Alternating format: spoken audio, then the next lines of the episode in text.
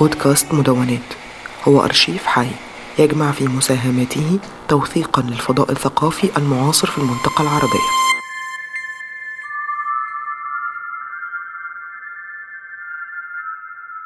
مرحبا بكم في هذه الحلقة الجديدة من رف خلفي والتي نتحدث فيها عن أدب الخارج وانفصالاته عن المجتمع وعن الداخل.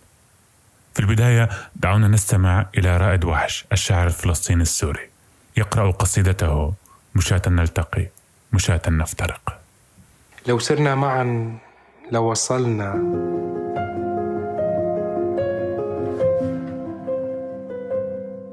لكن هكذا كأننا تخلفنا عن المسير أو كأنك غيرت المسار.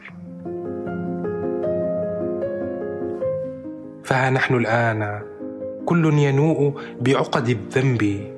نقول تخلينا عنه. خناه تقول أضعتهم ضيعتهم.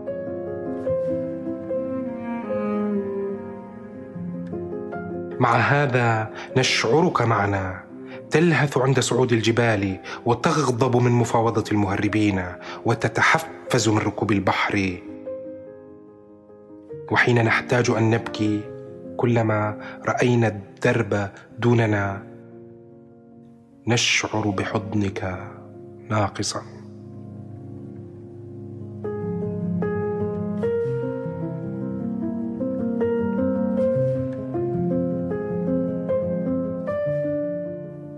أتكون المشكلة في الطريق أم في الماشين؟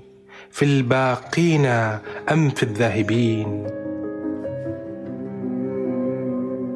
تلك أسئلة نحدو بها بينما نعبر الحدود لنوزع الأعباء بالتساوي بيننا والطريق.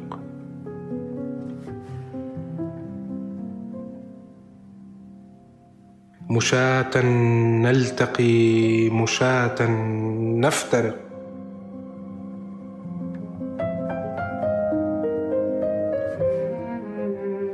الماشون أحياء الواقفون موتى لكنك لست واقفا أو ماشيا فمن فمن سيحل المسألة؟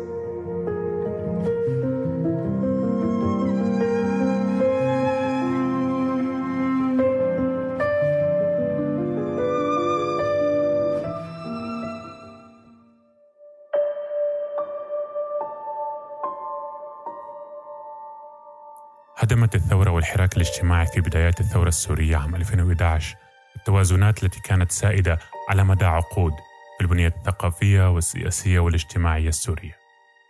كانت التفاعلات في سوريا سابقا محددة ومنغلقة على بعضها بعضا. مع بداية الثورة كل ما كان ساكن بدأ بالتحرك وتخلخلت الأساسات التي كان النظام السياسي يفرضها على المجتمع.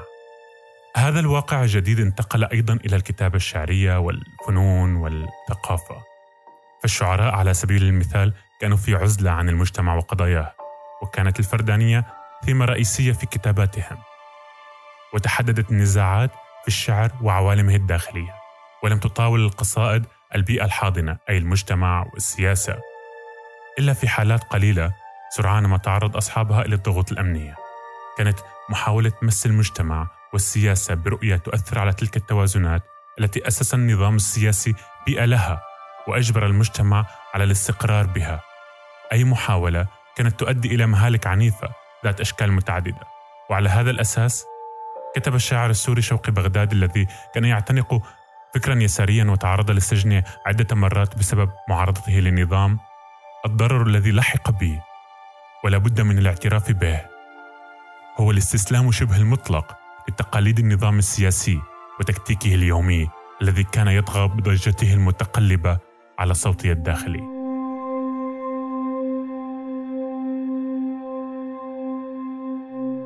هذا الوضع الذي امتد لعقود من عمر النظام الشمولي في سوريا شهد تغيرات عديدة مع العقد الأول للثورة السورية. تأسست أنماط ومواضيع جديدة للكتابة.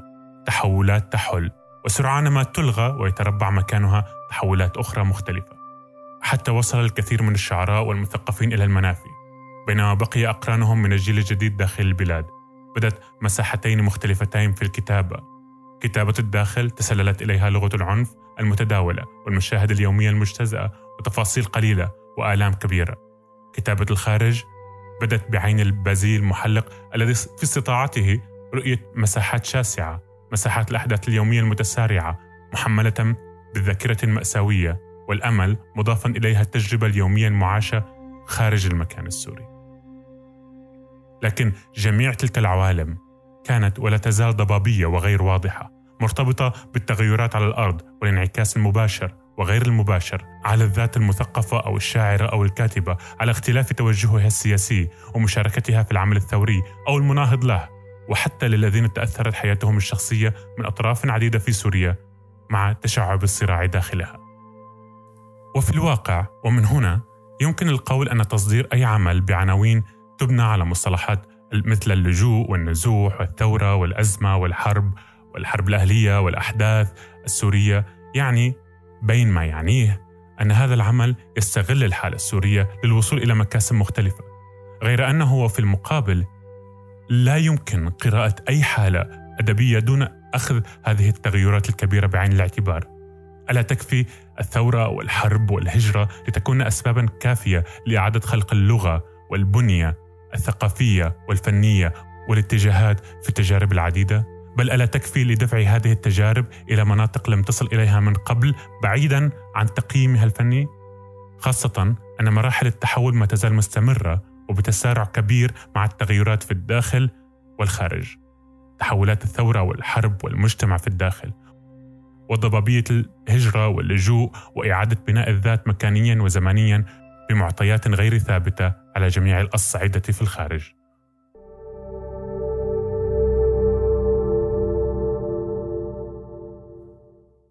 اليوم نتحدث عن الفن والأدب خارج المكان بعد الثورات مع بريجيت هيرمانز وهي باحثة في مركز حقوق الإنسان بجامعة جنت في بلجيكا حيث تدرس كيف يمكن للفنون أن تساهم في إحقاق العدالة في سوريا لديها خلفية في دراسات الشرق الأوسط وعملت كمسؤولة سياسية لمنظمات غير حكومية.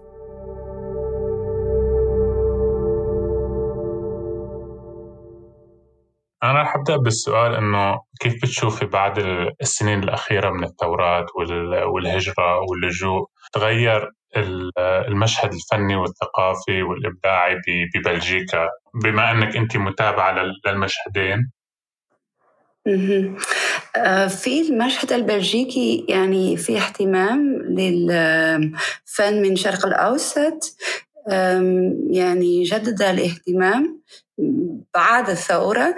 طبعا في مشكلة عشان الاهتمام في الدوائر البلجيكية كثيرا ما يعني في ارتباط مع السياسة والثورة والناس كثيرا ما ما بيعملوا يعني ما بيتفرجوا آه، على الفن من الشرق الأوسط زي فن مستقل ودي مشكلة كبيرة طبعا.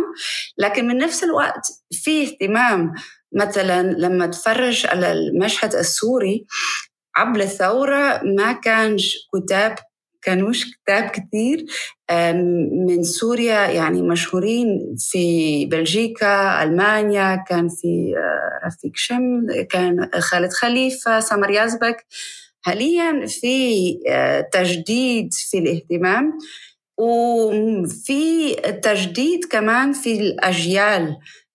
في جيل جديد من سوريا من مصر من لبنان مش عارفة من سوريا ومن مصر أنا بعرف يعني المشهد السوري أكثر مثلا خرجوا الجيل آه، قبل الثورة من المعاهد المعروفة حاليا تغيروا الحال والكتاب والفنانين ما عندهم كلهم شهادة في الكتابة أو في السينما. وأكيد يعني هل هذا الشيء إيجابي أم سلبي أو؟ سلبي وإيجابي. أنا ما بحبش قانون قوية في الفن. يعني الفن لازم يكون في حرية. لكن من نفس الوقت يعني بدنا كمان يعني الفن لازم يكون مش جميل لكن قوي في طبعا قوانين.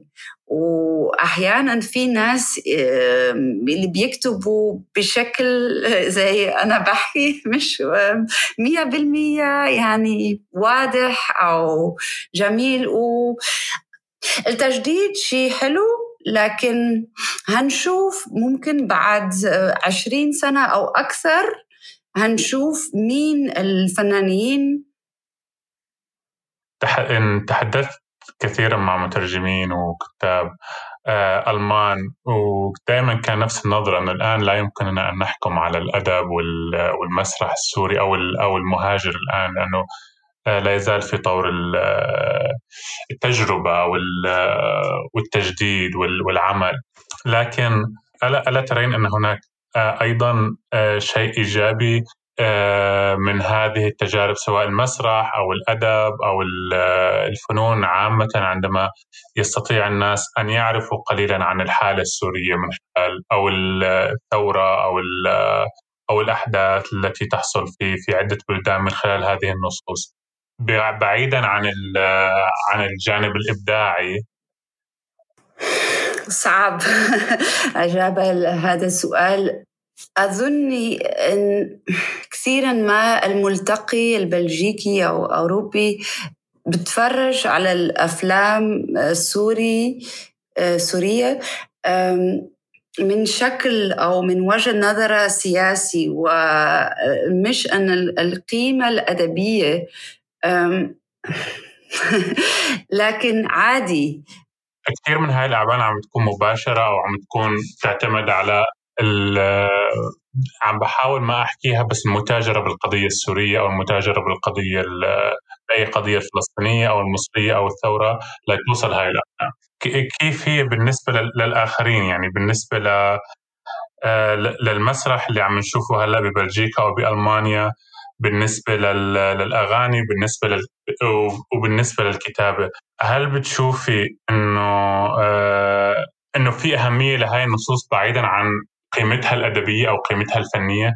ال ال القيمة الأدبية والفنانية مش موجودة بشكل عام. لما بنحكي عن الأدب أو الفن السوري معدم الأفلام والكتاب في دائما الناس بيركزوا عن القيمة السياسية.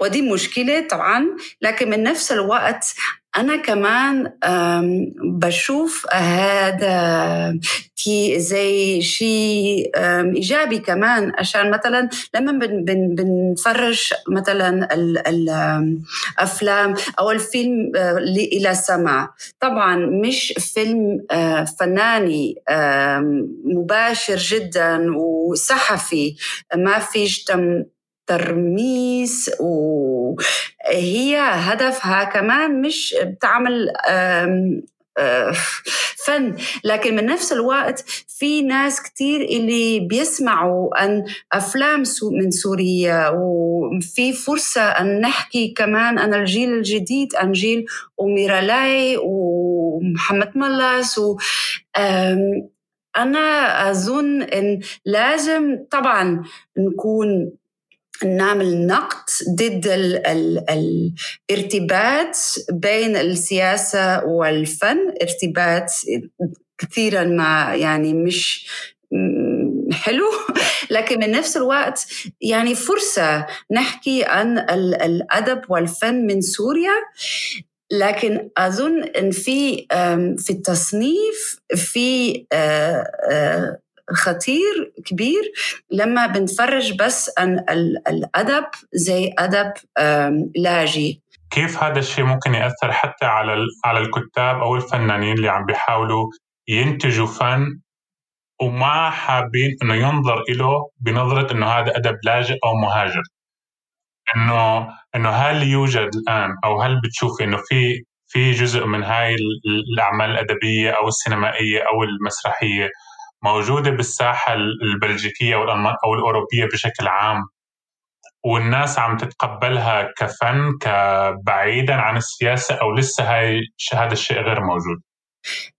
امبارح أنا سمعت محاضرة عن الكتابة السورية وروزا حسن ياسين هي كان كانت قوية جدا وهي قالت لما بدأت الثورة عرفنا الحرية أول المرة الأولى في تاريخ سوريا كتبنا عن عن مواعظ مختلفة. لكن حاليا إحنا في في المنفى وكثيرا مع الناس يعني عندهم توقع كمان منا إن نكتب عن الحل الوضع. لكن إحنا زي كتاب لازم نختار المواضيع. لما ما فيش حرية لنختار المواضيع إحنا كمان في السجن ويعني ده شيء مهم جدا. في فرق كبير بين الأدب اللاجئ. ما فيش أدب اللاجئ. في أدب كتبها لاجئين واللاجئين عندهم تجارب مختلفة لكن مش ممكن بس نشوف أو نعمل ارتباط بين الأدب والسياسة. شو ممكن تعلمنا الأدب عن سوريا؟ لا ده سؤال طبعا عيب لما بنفرج على الأدب بشكل يعني انسترومنتال هيك.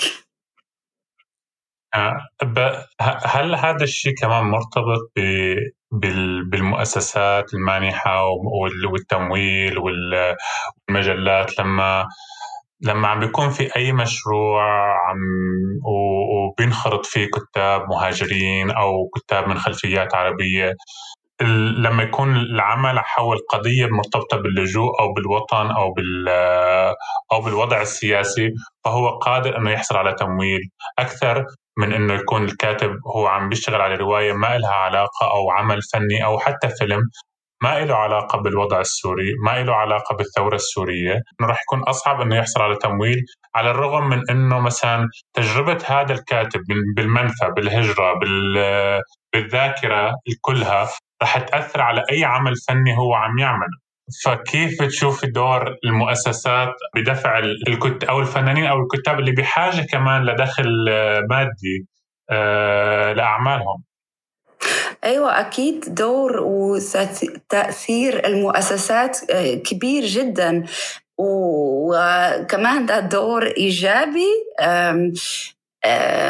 هدفهم إيجابي لكن من نفس الوقت طبعا الإنتاج اتغير الكتاب مش في الأرض هم في في المنفى اولا في بيروت وثانيا في برلين أو أو عاصمة ثانية للفن السوري.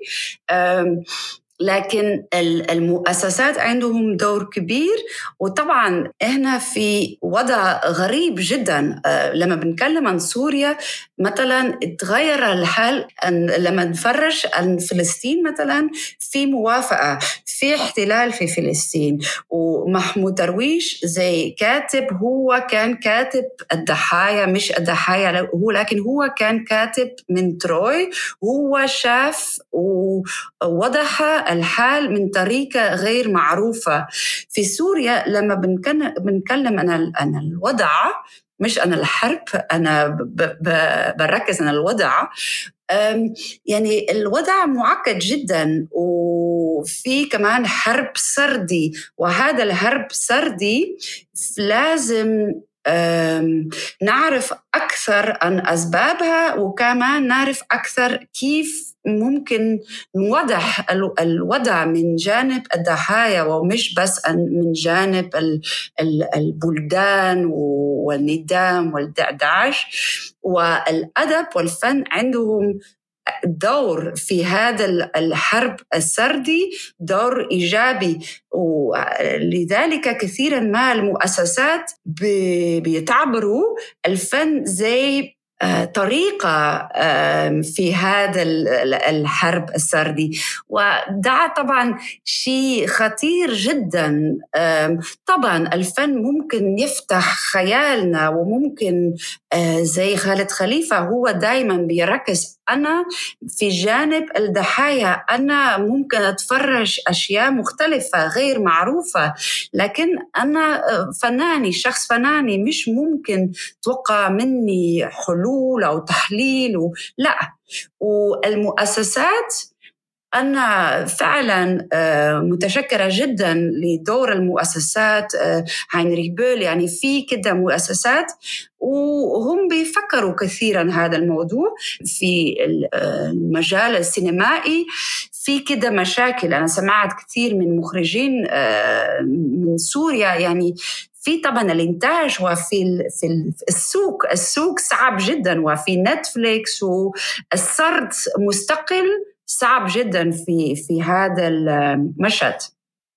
إمتى بتشوفي إنه ممكن نقدر نطلع على الفن أو اللي بينتجوا أي فنان أو مخرج أو مسرحي سوري بعيدا عن الانطباع الخلفي أو قبل ما نروح إنه هذا أدب لاجئ أو أدب مهاجر أو إنه نطلع عليه كمجرد أدب أو فيلم أو أو مسرح، هل بتشوفي هذا الشيء قريب أو أو رح رح يضل مرتبط بتجربة الكاتب أو الفنان دائما؟ لسه في تطور. لسه في لما بنحكي مثلا أنا الانتاج الفناني آه، في لبنان أخذ عشرين سنة تقريبا بعد الحرب الأهلي وأخذ وقت طويل. قبل يكون في جيل آه، اللي كان بيكتب عن الصدمة عن ذاكرة. حاليا في سوريا بنشوف يعني الناس بيكلموا بيكتبوا في طريقة يعني شاطرة آه، جدا عن الصدمة عن الذاكرة. يعني أخذ دروس من الكارثة الفلسطينية واللبنانية. وعشان هيك أنا حاليا في القيمة الأدبية قوية جدا مش طبعا في كل المشهد لكن في كتاب قويين جدا وفي كتب يعني معروفة ومهمة حاليا. لكن من جانب الملتقي أو القراءة الناس في في أوروبا هم لازم يكون أفتح شوية وهم هم لازم يفتحوا خيالهم. وطبعا صعب. لما بنتكلم مثلا عن ال ال الأدب من المنفى الأدب من المنفى معروفة جدا في الحرب الثانوية مع مثلا بعد بعد الكارثة اليهود وال, وال كان في تصنيف هيك الأدب المنفى. وكثيرا ما إحنا كمان بنتفرج أو بنفكر أن هذا الموضوع دائما زي مرتبط مع الشوع مع الكارثة. وممكن هذا الموضوع هيكون دائما مرتبط بريمو ليفي. طبعا إحنا بنتكلم عن بريمو ليفي في سياق الشوع وممكن هنتكلم عن الأدب السوري في هذا السياق. وطبعا آه، لو في كتب أكثر عن الحب ويعني مواد مختلفة هيكون أحسن. لكن مستحيل في شرخ في شرخ في بعد الثورة ومستحيل إن نعمل أو نشوف أدب آه، أو فن سوري بدون علاقة مع التعذيب أو القمع أو يعني مستحيل. ودي مش مشكلة. المشكلة في وجهة نظري في طريقة آه، في, في الجانب معلش الملتقي الأوروبي. هم فعلا. في مش ممكن عن العنصرية. لكن في طبعا صعب. معلش. مستحيل احكي عن هذا الموضوع بالعربي. لا بدي بس أحاول. معلش. بدي أحاول. كثيرا ما الناس بيتعبروا إن في رابط مباشر بين الفن وحقوق الإنسان. الناس اللي بي بيقرأ كتب عن حقوق الإنسان أو عن المنفى واللاجئين المفروض لازم يكون شخص متطور شوية ومفتوح. لا بلا. النازيين كانوا بيقرأ وبيسمع باخ وبعدين يعملوا مجازائر. لا ما فيش ارتباط مباشر. وكثيرا ما الناس في أوروبا لما بيتفرجوا أفلام عن سوريا أو أفريقيا هم ما بيعملوا ارتباط مع حياتهم. وده الخطوة الأخيرة وأصعب خطوة.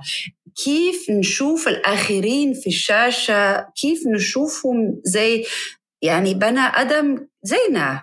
وكيف ممكن نعمل ارتباط بدون يعني تضمير آه، شيء داخلنا. آه، وده صعب جدا. لما بنشوف وبنفهم المنفعة مش زي هالرومانسي آه، نابوكوف وجويس و... لا مش النقطة. الناس العاديين اللي بيعيشوا بدون أفق.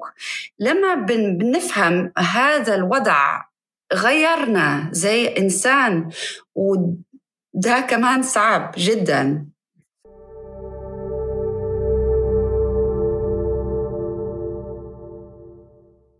شكرا شكرا لك بريجيت على هذه المشاركة. نختم هذه الحلقة بقصيدة للشاعر العراقي سركون بولوس بعنوان اللاجئ يحكي. إلى اللقاء. اللاجئ المستغرق في سرد حكايته لا يحس بالنار عندما تلسع أصابعه السجاره مستغرق في دهشة أن يكون هنا. بعد كل تلك الهناكات المحطات والمرافق دوريات التفتيش الأوراق المزورة معلق من سلسلة التفاصيل. مصيره المحبوك كالليف في حلقاتها الضيقة ضيق البلاد التي تكدست على صدرها الكوابيس. المهربون مافيات التهجير. لو سألتني ربما كانوا أهون. وسماء النوارس الجايع فوق سفينة معطوبة في اللامكان. لو سألتني لقلت الانتظار الأبدي في دوائر الهجرة والوجوه التي لا ترد الابتسامة مهما ابتسمت. ومن قال أنها أغلى هدية؟ لو سألتني لقلت بشر في كل مكان. لقلت في كل مكان حجارة يحكي ويحكي ويحكي. لأنه وصل لكنه لم يذق طعم الوصول ولا يحس بالنار عندما تحرق أصابعه السجارة هذه الحلقة من مشروع مدونات هي من إنتاج المورد الثقافي والمجلس الثقافي البريطاني. محتوى هذا البودكاست لا يعبر بالضرورة عن رؤية أو أفكار أي من المؤسستين.